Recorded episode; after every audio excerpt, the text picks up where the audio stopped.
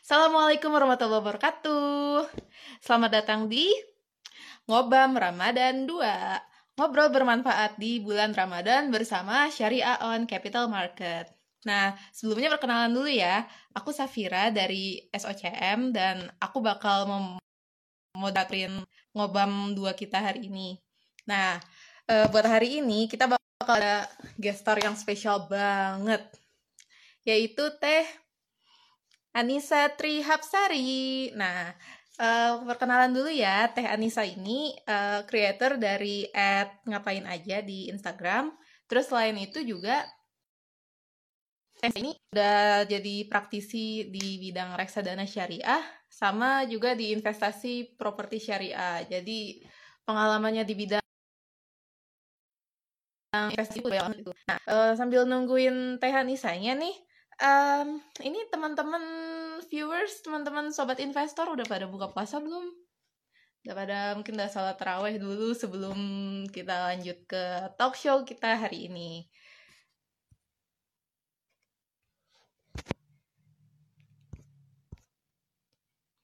Hmm, kalau boleh tahu nih, uh, teman-teman pasti udah pada nungguin banget ya teknisanya. Bentar ya, ini uh, sambil nungguin teknisanya.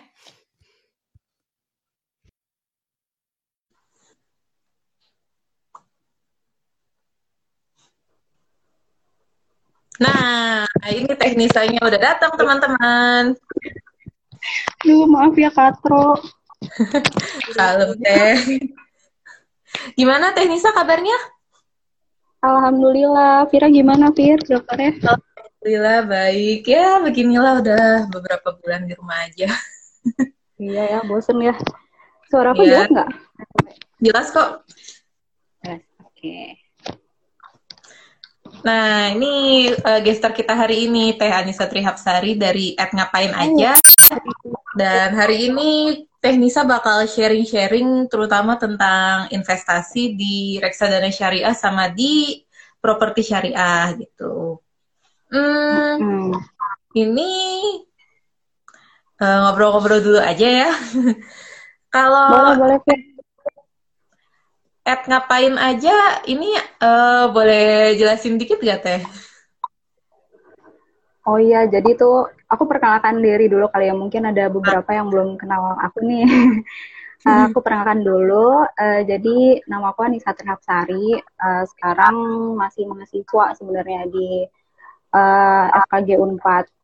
Saat ini masih sebagai dokter di muda di RSDM Unpad, Rumah Sakit Gigi dan Mulut Unpad. Nah, hmm. uh, karena adanya pandemi ini, jadi praktek aku pun di rumah sakit itu dihentikan dulu sampai waktu yang belum ditentukan. Nah, hmm. karena bulan nih Fir, jadi gabut kan. jadi ya udah yeah. uh, bingung juga mau ngapain. Awal-awalnya mah seneng libur ya karena bisa istirahat, tapi lama-lama jadi pengen uh, bosen gitu karena kebiasaan banyak kegiatan ya tiba-tiba nggak ada hmm. kegiatan jadi bingung. Jadi akhirnya ya udah nih ikutan eh ikutan. Akhirnya aku bikin akun ngapain aja sama temanku tujuannya sih buat sharing ini aja sih sharing-sharing tentang apa sih yang bisa kalian lakuin di waktu-waktu pandemi ini biar tetap produktif dan juga bisa nambah skill baru. Jadi nanti setelah si pandemi ini berakhir uh, kalian jadi lebih memiliki skill yang lain gitu dan bisa survive nanti setelah ini berakhir gitu deh ceritanya Hmm, iya sih kalau lagi pandemi gini emang udah bingung mau ngapain. Ada yang akhirnya jadi iya. bisa main, yang bisa nyanyi tiba-tiba. iya makanya kan jadi ya udah kita inisiasi bikin ini aja gitu. Alhamdulillah sih udah baru berapa ya sebulanan lah. Insya Allah sih bermanfaat buat teman-teman juga. Gitu. Iya. Ya nungguin ini kapan beres ya ini pandemi. Lu nih aku takut sinyalnya jelek deh. Lancar kan ya, Vira? Kenapa? Sinyal aku lancar atau gimana? Oh, sendet-sendet. Aman. Aman. Ya, Oke. Okay. Nah, ini langsung bahas soal dunia investasi aja kali ya, karena tema kita hari ini tuh soal wanita juga bisa berinvestasi. Kebetulan nih ciwi-ciwi semua nih kita soalnya. nah, iya bener. Teteh uh, udah apa ya udah masuk ke dunia reksadana syariah ini udah dari kapan ya teh kalau boleh tahu? Kalau dulu tuh aku mulai dari semester 6. Jadi waktu dulu uh, aku udah bisa nyari uang sendiri di semester 5 sih alhamdulillahnya. Dan hmm. pertama kali dapat uang kan seneng ya bedanya. Uang, terus hmm. uangnya juga lumayan besar dari keringat sendiri terus bingung sebenarnya mau diapain gitu mau ditaruh di tabungan aja atau uh, mending diputar lagi gitu uangnya jadi karena di situ sudah kepikiran uh, bingung mau ditaruh di mana ini duitnya jadi aku memilih untuk diinvestasiin itu nah karena dulu tuh uh, kan aku kuliah lumayan sibuk gitu ya Fir. Kalau anak kedokteran ya biasa lah kedokteran gigi banyak praktikum kayak gitu-gitu. Jadi memang sangat sulit sekali kalau misalkan ambil investasi yang harus dikontrol tiap tiap bulan atau tiap minggu gitu. Nah dari situ sih aku nyari informasi nih. Kira-kira ada nggak sih investasi yang sekiranya bisa aku jalankan tetap menghasilkan return tapi uh, aku tuh nggak capek gitu loh buat buat ngontrol setiap bulannya gitu. Nah di situlah aku menemukan ternyata ada yang namanya reksadana yang bisa hmm. di uh, akses buat semua kalangan nggak cuma kalangan premium aja yang kelas A kelas B tapi juga bisa middle income kayak misalkan mahasiswa atau kayak karyawan yang masih uh, gajinya UMR kayak gitu kayak gitu hmm. sih awalnya kenapa milihnya reksadana syariah? Ya teh soalnya kan ada yang konvensional ada yang syariah gitu. Uh, jadi tuh dulu memang pas pertama kali nyoba baru tahu reksadana aja nih reksadananya aja gitu nggak ada nggak tahu kalau misalkan ada reksadana syariah. Tapi uh, setelah seiring waktu belajar gitu baca-baca uh, ternyata ada juga yang namanya syariah gitu terus aku bandingkan dengan yang konvensional ternyata memang uh, lebih bermanfaat yang uh, reksadana syariah kalau dilihat perbedaannya itu kayak gini Fir uh, kalau misalkan reksadana konvensional itu seluruh returnnya itu buat kita. Tapi kalau reksadana syariah, dia itu uh, sistemnya adalah sosial. Jadi bukan hanya buat kita juga, tapi juga bisa disumbangkan uh, sebagai bentuk amal gitu. Jadi karena pengen juga terbebas dari riba ya, karena kan riba hukumannya juga lumayan berat kan nanti di akhirat. Hmm. Jadi ya udahlah, aku pilihnya yang reksadana syariah aja yang uh, bisa dibilang sebagai investasi auto halal. Gitu. Auto halal, baru dengar. Tapi iya sih emang biar lebih aman terus lebih berkah juga ya jadinya milihnya yang reksadana syariah. Iya benar. Nah uh, kalau tips-tipsnya ada nggak teh? Kayak mungkin harus gimana harus gimana? Mungkin kan soalnya di sini banyak teman-teman sobat investor yang baru banget mau masuk ke dunia reksadana apalagi reksadana syariah. Karena teteh kayaknya udah lumayan lama di dalam bidang itu mungkin bisa sharing-sharing tips-tipsnya apa aja teh kira-kira? Kemarin sih aku sempat ini nulis story di Instagram terus uh, survei sedikit sih ada yang udah pernah mulai invest atau belum. Mungkin yang sekarang nonton masih belum kebanyakan belum memulai investasi gitu.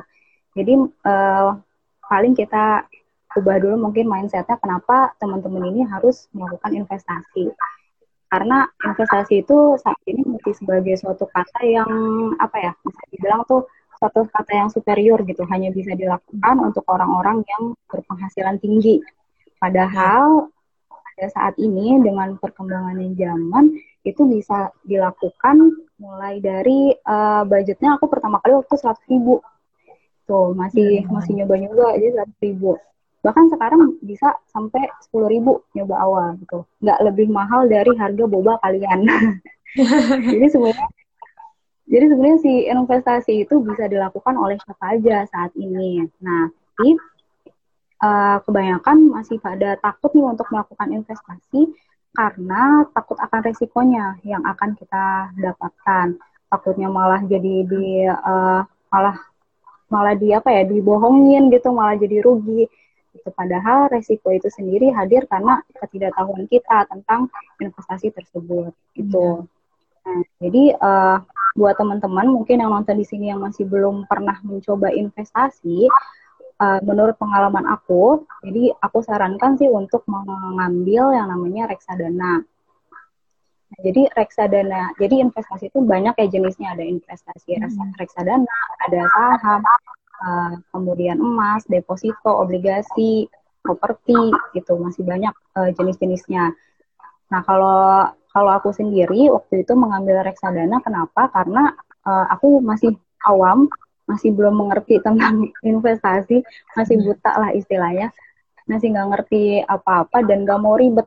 Dan dana aku waktu itu sangat minim, minimal lah baru berani masukin dana untuk investasi itu sekitar 100 ribu sampai 500 ribu itu. Hmm. Nah di reksadana ini itu uh, bisa bisa dibilang sih uh, suatu wadah buat kita menyalurkan investasi atau uang yang nantinya uang itu bakal dikelola sama si manajer investasi gitu. Jadi yang ngelola itu bukan kita sendiri, beda sama saham kalau misalkan uh, reksadana ini dikelola oleh manajer investasi yang nantinya si manajer ini akan membelikan beberapa produk itu produk-produk investasi yang uh, akan menghasilkan return buat kita kayak gitu. Nah untuk tips-tipsnya sebenarnya banyak sih sebenarnya banyak sih tergantung dari jenis investasi yang teman-teman mau ambil. Jadi untuk reksadana itu sendiri banyak produknya, ada empat produk. Jadi ada produk uh, yang pertama pasar uang, kedua itu pendapatan tetap, ketiga uh, itu campuran, dan yang terakhir adalah saham. Masing-masing dari produk ini itu memiliki resiko yang berbeda nih, Kir. Jadi kalau misalkan aku waktu itu pertama kali ngambil produk yang investasi khusus untuk uh, pasar uang. Tuh, jadi kenapa pasar uang? Karena pasar uang ini memiliki uh, income yang stabil. Bahkan tahun kemarin, alhamdulillah karena aku udah mulai invest di pasar uang, itu returnnya naik sekitar 6% gitu pada, pada akhir 2019. Uh, jadi beruntung banget yang udah mulai tahun lalu tuh udah naik sekitar 6%. Hmm. 6 sampai 7% kalau nggak salah. Gitu. Nah, jadi yang pertama itu uh, pasar uang memiliki keuntungan eh, eh memiliki poin plus lah dibandingkan yang lainnya untuk pemula. Jadi cocok buat pemula seperti aku waktu itu. Karena yang pertama dia itu uh, dan juga bisa diambilnya itu jadi kita pengen ngambil uang return itu uh, fleksibel jadi nggak kayak deposito yang harus diambilnya itu uh, pas jatuh tempo jadi lebih fleksibel. Terus returnnya juga tetap, jadi nggak nggak fluktuatif kayak saham yang harus kita perhatiin setiap bulan gitu. Nah, habis itu uh, yang kedua ada pilihannya uh, si apa namanya pendapatan tetap. Jadi reksadana pendapatan tetap. Kalau pendapatan tetap dia itu memiliki risiko yang lebih tinggi dibandingkan uh, yang uh, yang pasar uang. Kalau misalkan yang ketiga itu yang campuran. Jadi campuran itu uh, si manajer investasinya itu akan membelanjakan ke saham, ke pasar uang, ataupun ke uh, ke pendapatan tetap gitu.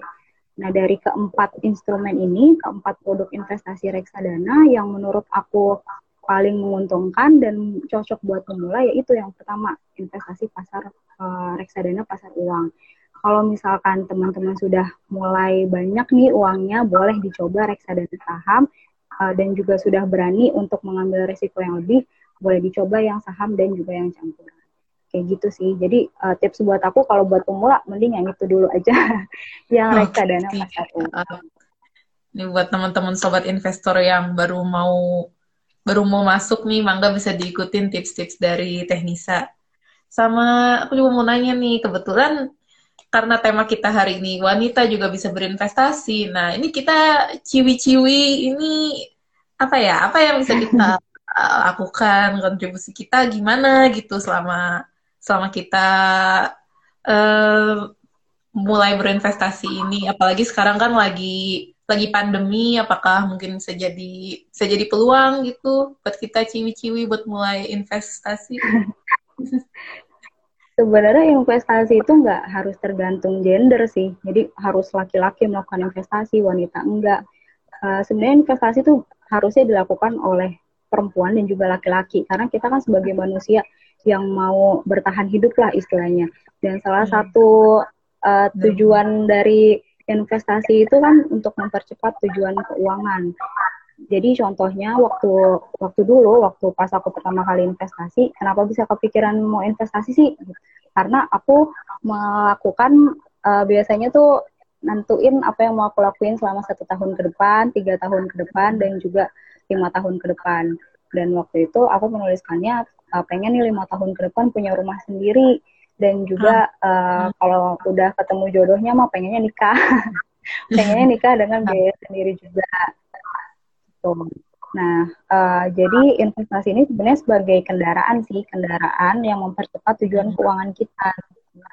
Jadi kalau misalkan kita nabung pada saat uh, waktu itu tiga tahun yang lalu aku nabung uh, besar 100 ribu, bisa jadi ketika aku mau nikah lima tahun lagi nih, udah jadi berkali lipat jadi multi multiply jadi sekitar misalkan lima ratus ribu atau satu juta gitu. Itu tidak menutup kemungkinan seperti itu. Jadi mempercepat tujuan dari ekonomi eh, tujuan dari keuangan juga. Hmm. nah kebanyakan tuh cewek zaman sekarang bukan cewek ya iya cewek zaman sekarang tuh lebih banyak di spending dibandingkan saving. Aduh jadi, sulit. Benar nggak Fir?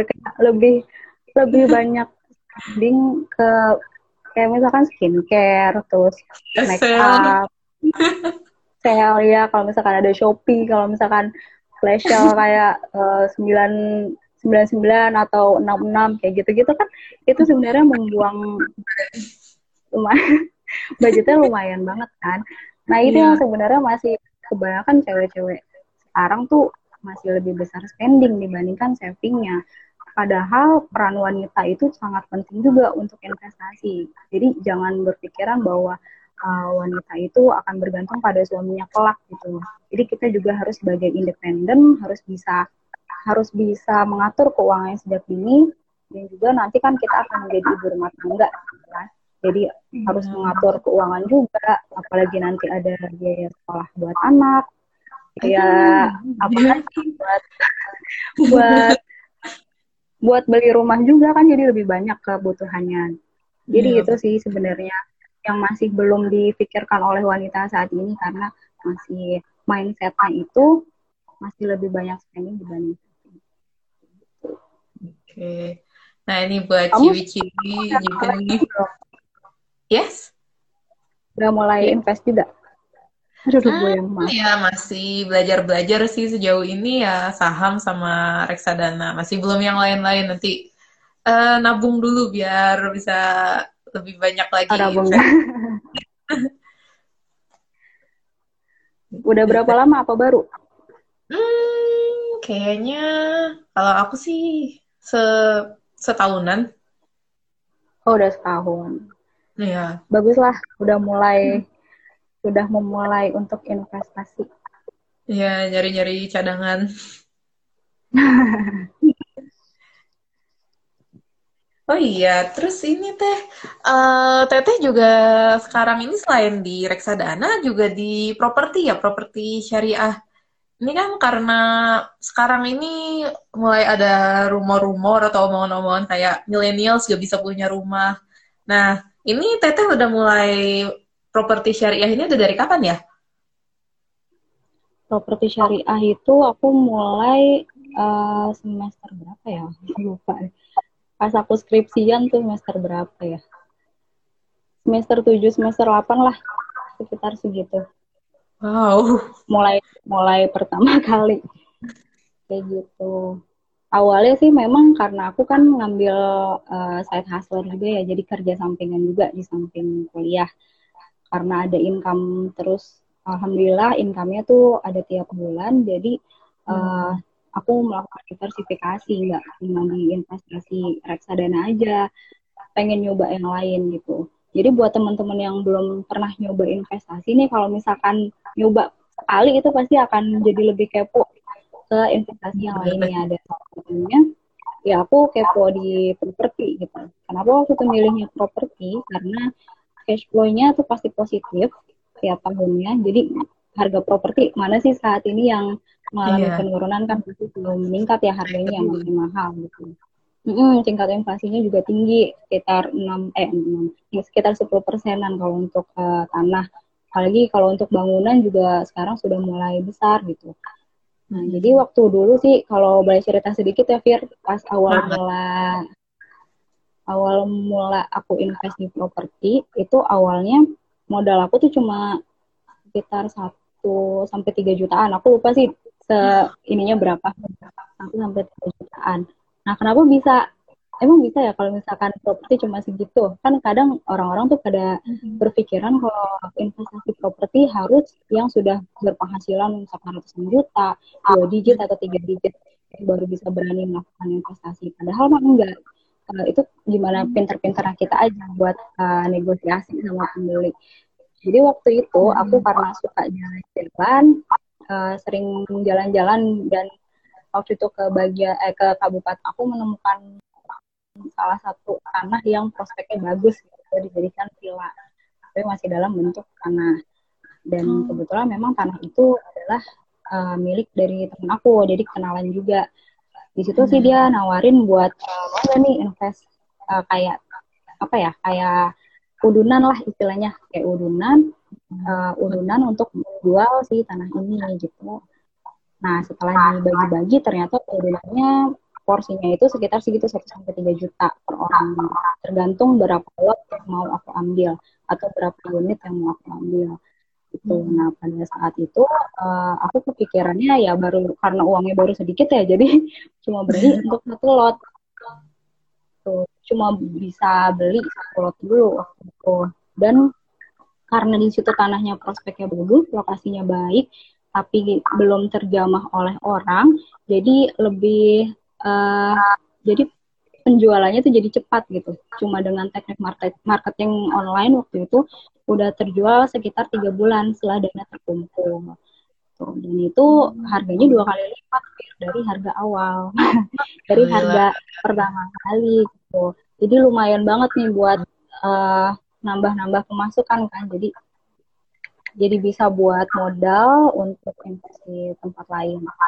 Nah, kalau misalkan uh, properti syariah, kalau teman-teman mau properti syariah sih sekarang udah udah gampang banget, nggak cuma langsung nyari uh, nyari tanah kayak aku sekarang mah udah nggak nggak usah kayak gitu lagi, tapi udah bisa melalui digital platform ya. Sekarang udah banyak banget platform-platform yang seperti uh, aku sih rekomendasiin kayak dana syariah gitu. Eh di sini boleh nyebut merek nggak sih?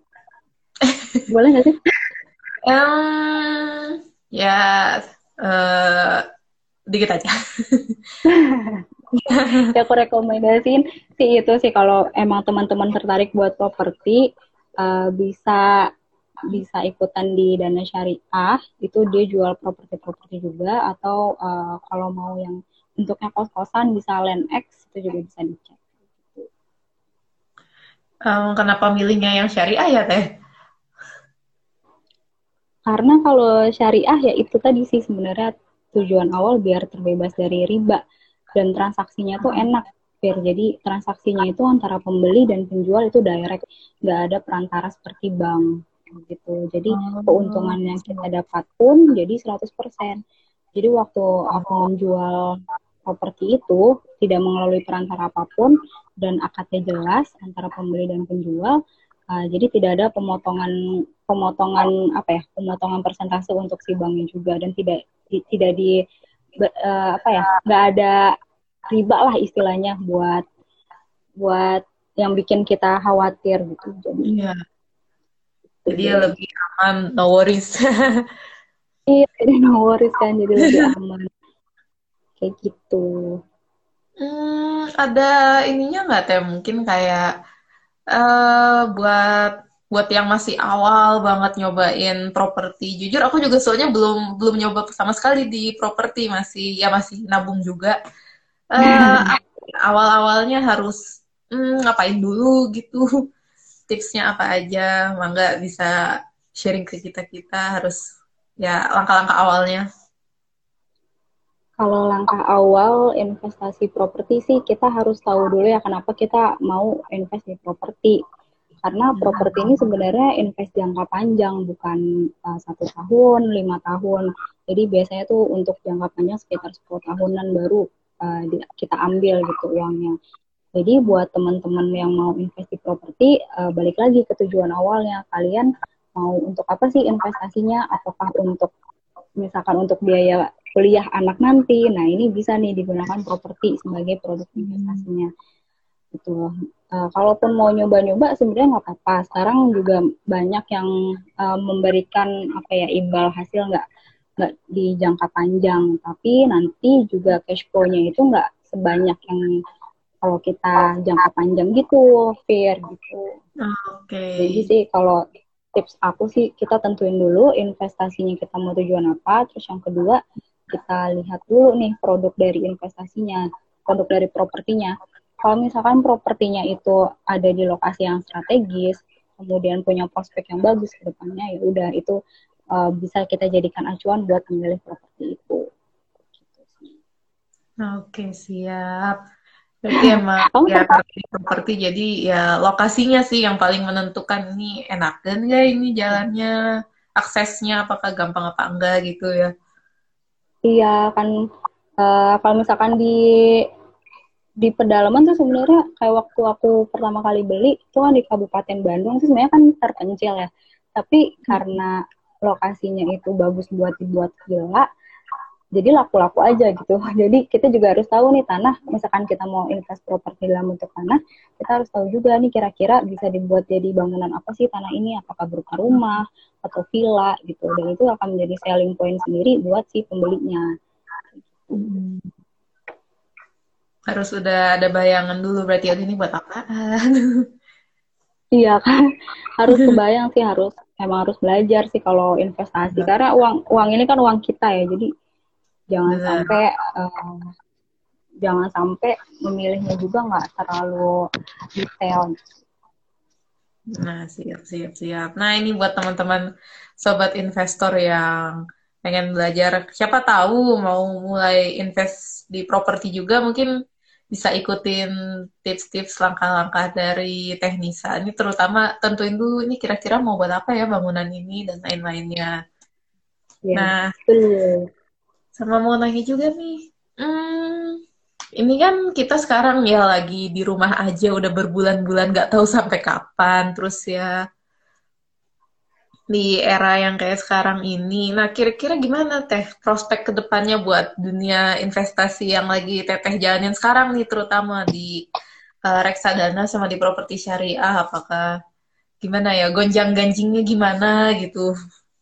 karena Teteh kan salah satu yang ikut terjun ke dunia dunia investasi ini langsung. Mangga Teh mungkin bisa cerita-cerita. Uh, kalau terkait pandemi sih, ini emang luar biasa ya pandemi jadi cobaan buat kita semua sih, nggak cuma satu dua orang, tapi emang semua aspek jadi tergoncang. Atau salah satunya ya di investasi pun juga tergoncang, di saham, di reksadana, semuanya juga mengalami pergejolakan. Gitu. Nah, yang aku rasakan uh, di investasi yang aku jalanin, kalau uh, untuk properti sendiri sebenarnya alhamdulillah sampai sekarang masih uh, cash flow-nya masih positif gitu karena uh, aku naruhnya saat ini aktifnya di kos-kosan ya kos-kosan. Uh, jadi hasil tiap bulannya pasti ada gitu. Nah, kalau misalkan uh, untuk reksadana sendiri, aku jadi lebih sering untuk ngecek sih, untuk ngecek uh, laporan untuk mengecek laporan dari uh, tiap bulannya gitu. Kalau dulu tuh aku masih jarang-jarang ngecek, cuma per kuartal aja aku cek. Sekarang aku lebih sering untuk untuk membuka membuka lagi kira-kira gimana nih grafiknya, apakah mengalami penurunan atau enggak.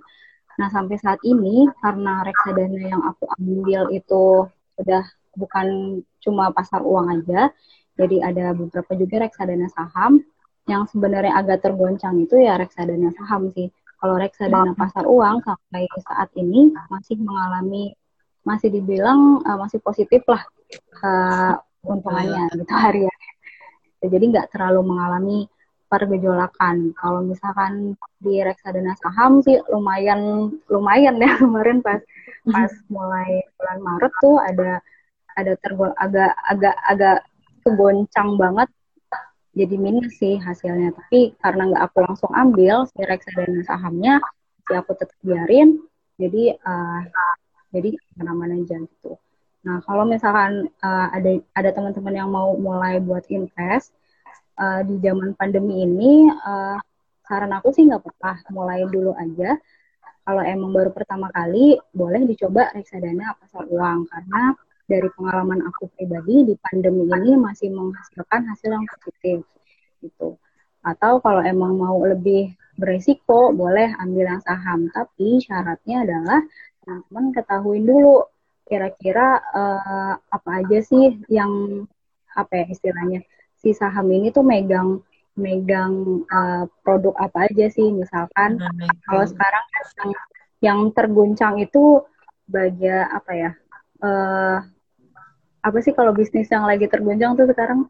Kayak buat hmm, travel eh, travel nah travel. hotel gitu-gitu. Wah nah yang kayak gitu-gitu itu yang harus di cross check sama teman-teman. Jadi sahamnya ini megang uh, megang produknya apa nih? Apakah dalam bentuk saham atau eh dalam bentuk hotel atau uh, pariwisata kayak gitu. Nah, kalau uh, yang stabil kalau menurut IRF analisis itu dia melakukan analisis di saat bisnis uh, eh, melakukan analisis uh, apa aja sih saham atau bisnis yang masih stabil sampai sekarang atau bahkan berpotensi lebih besar lagi setelah pandemi uh, berakhir. Salah satunya itu ada di bidang telekomunikasi dan juga uh, medical supply gitu. Jadi uh, tuh ada yang bilang juga temen aku mobil ya mobil mobil juga. Jadi uh, dilihat dulu aja kita lihat uh, produk dari sahamnya. Kalau misalkan dia memegang kayak uh, telekomunikasi ataupun juga tentang uh, apa ya yang medical supply atau kayak oh, iya. Unilever, Unilever dia menghasilkan menghasilkan makanan kayak Indomie, eh Indofood kayak gitu-gitu. Hmm. atau produk-produk sabun ya itu kan nggak mungkin nggak mungkin turun kan. Jadi pilihlah saham-saham defensif yang mungkin bisa uh, teman-teman pilih itu udah ada bahasanya sih di akun ngapain aja jadi boleh dicek okay, di ya. Nih buat teman-teman sobat investor yang penasaran bisa cek ke app ngapain aja.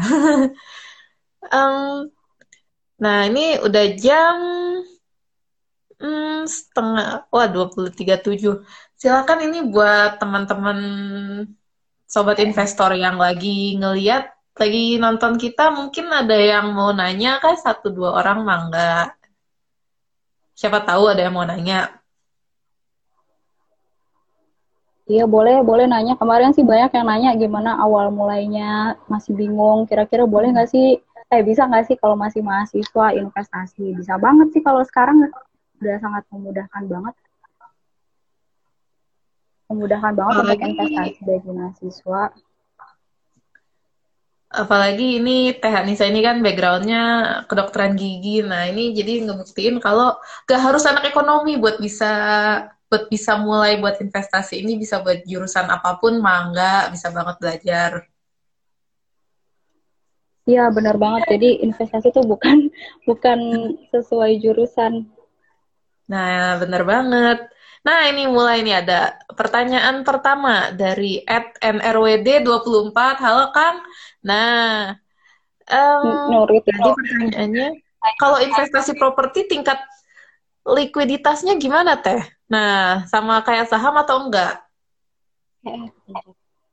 Terus nih ada, wah pertanyaannya banyak juga. Terus nih yang kedua ada yang minta tutorial invest properti pakai salah satu, uh, pakai salah satu aplikasi yang teteh pakai. Sama terakhir, yang ketiga kalau belum pernah invest sama pengen langsung invest, menurut teteh gimana? Mangga teh satu-satu.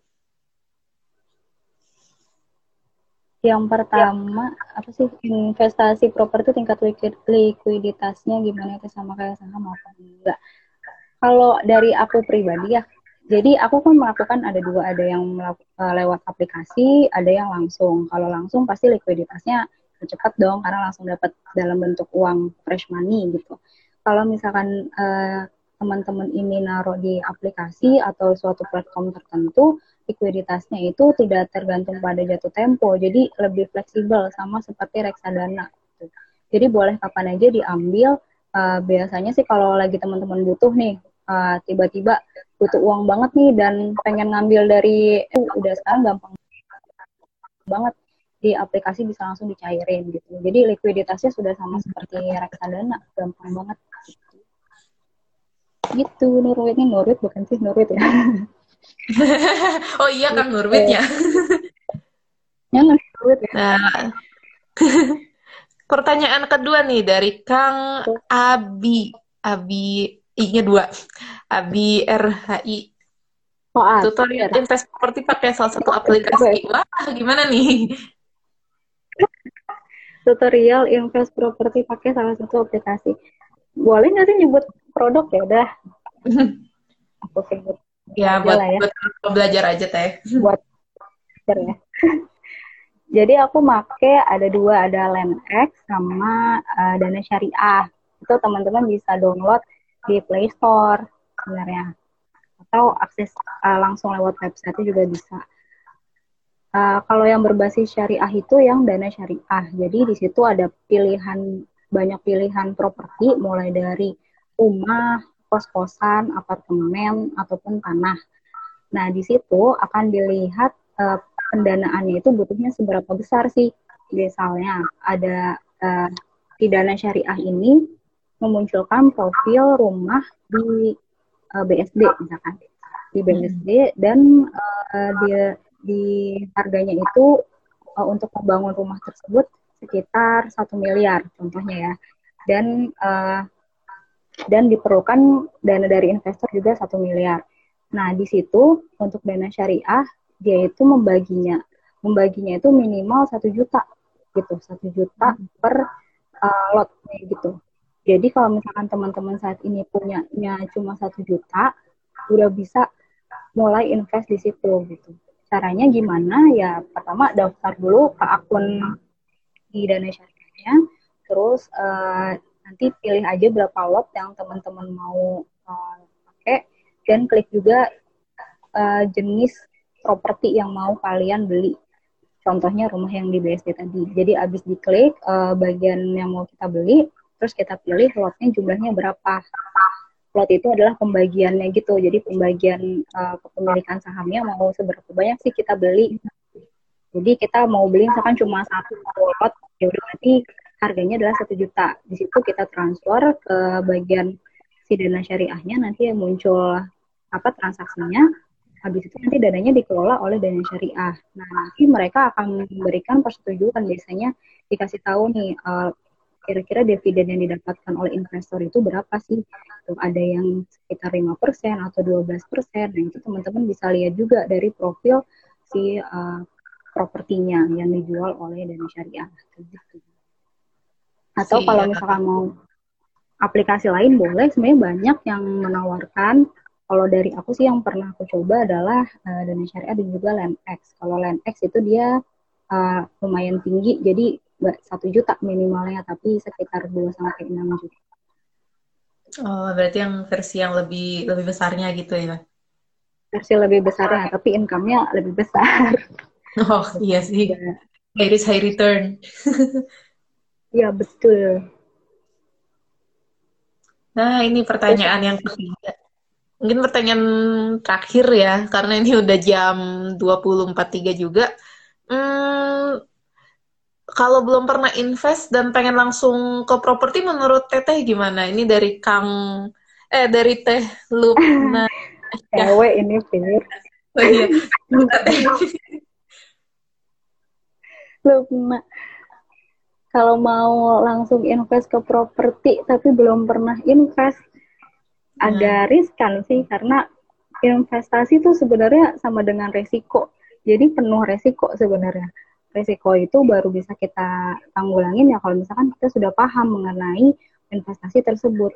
Kalau masih pemula dan langsung ke properti, uh, menurut aku agak riskan. Jadi lebih baik sih uh, kita mulai dulu dari hal yang paling sederhana dan yang mudah dulu aja sih. Mending reksadana dulu aja yang biasanya dikelola sama manajer investasinya gitu. Kalau misalkan langsung ke properti agak gimana ya agak membahayakan apalagi belum tahu belum tahu apa ya istilahnya lautan atau arus dari investasi itu kayak gimana gitu. Nah, mungkin ini juga ya ngelihat ngelihat dulu dari profil risikonya juga kira-kira hmm, greget gak ini kira-kira kalau kalau langsung milih ke ke ke instrumen investasi yang A, yang B. Tapi ya emang kalau nah, buat pemula iya, kayaknya ya dari dari reksadana dulu sih bener. Iya, karena riskan juga sih kalau misalkan langsung ke properti. Jadi lebih baik reksadana. Nyobain dulu lah feel-nya kalau udah dapet nih feel investasinya, terus jadi ada kekepuan buat belajar lebih, baru deh teman-teman nyoba diversifikasi ke produk eh, produk investasi yang lain kayak gitu. Nah, bener banget. Maka itu mungkin udah menjawab semua ya tadi ketiga penanya. Nah, ini nanti kalau teman-teman sobat investor mungkin mau nanya lebih lanjut, bisa banget nih ke app ngapain aja, pakai underscore juga. Bisa langsung buat ke teknisa, siapa tahu ada yang masih pengen nanya-nanya lagi. Sama uh, buat teman-teman juga nih hmm, kita bakal ada challenge. Jadi buat teman-teman sobat investor mungkin nanti bisa banget uh, setelah setelah live ngobam 2 ini ngobam Ramadan 2 uh, eh, bakal ada challenge teman-teman nanti share tentang cerita teman-teman sobat investor yang mungkin udah mulai uh, terjun ke dunia investasi kayak dunia reksadana gitu bisa banget buat kirim-kirim story-nya terus nanti langsung tag ke at, uh, ke IG kita at syariah on capital market. Nah, sekian dulu. Terima kasih banyak buat Teknisa sharing-sharingnya hari ini. Keren banget, nambah ya, insight sama Aku juga pengen ini uh, kalau bisa teman-teman yang udah mulai uh, yang mendengar di sini live ini sih kalau bisa mulai investasi juga. Jadi kalau misalkan udah kesulitan itu boleh PM aku aja atau chat di ngapain aja. Jadi biar uh, langsung diaplikasiin gitu. Biar tahu nih uh, kira-kira investasi itu kayak gimana sih. Coba aja dulu dari 10 ribu boleh, 50 ribu boleh, atau maksimal 100 ribu. Kalau kata e-commerce sebelah ya mulai aja dulu. ya mulai ya. mulai aja dulu apa-apa mulai dari sepuluh ribu juga yang penting ketemu feel-nya itu nah mulai dari yang kecil mulai dari diri sendiri mulai dari sekarang. Gitu. ya, betul. Siap siap nuhun pisan teh Nisa buat waktunya ya, buat sama-sama. semoga bermanfaat buat semua kayak judul kita ngobrol bermanfaat di bulan Ramadan. Terima kasih banyak juga buat teman-teman sobat investor yang dari tadi udah mantengin kita selama beberapa waktu ya tadi, nggak sampai gak berasa. Nah, um, jadi dengan berakhirnya sesi hari ini, aku Safira sebagai moderator di Ngobam Ramadan 2 hari ini juga pamit undur diri. Terima kasih buat semuanya. Assalamualaikum warahmatullahi wabarakatuh. Waalaikumsalam. Thank you semuanya. Thank you. Sama-sama. Thank you, Fir. Sehat-sehat, Fir. Siap, Teh. Sehat-sehat juga, Teh.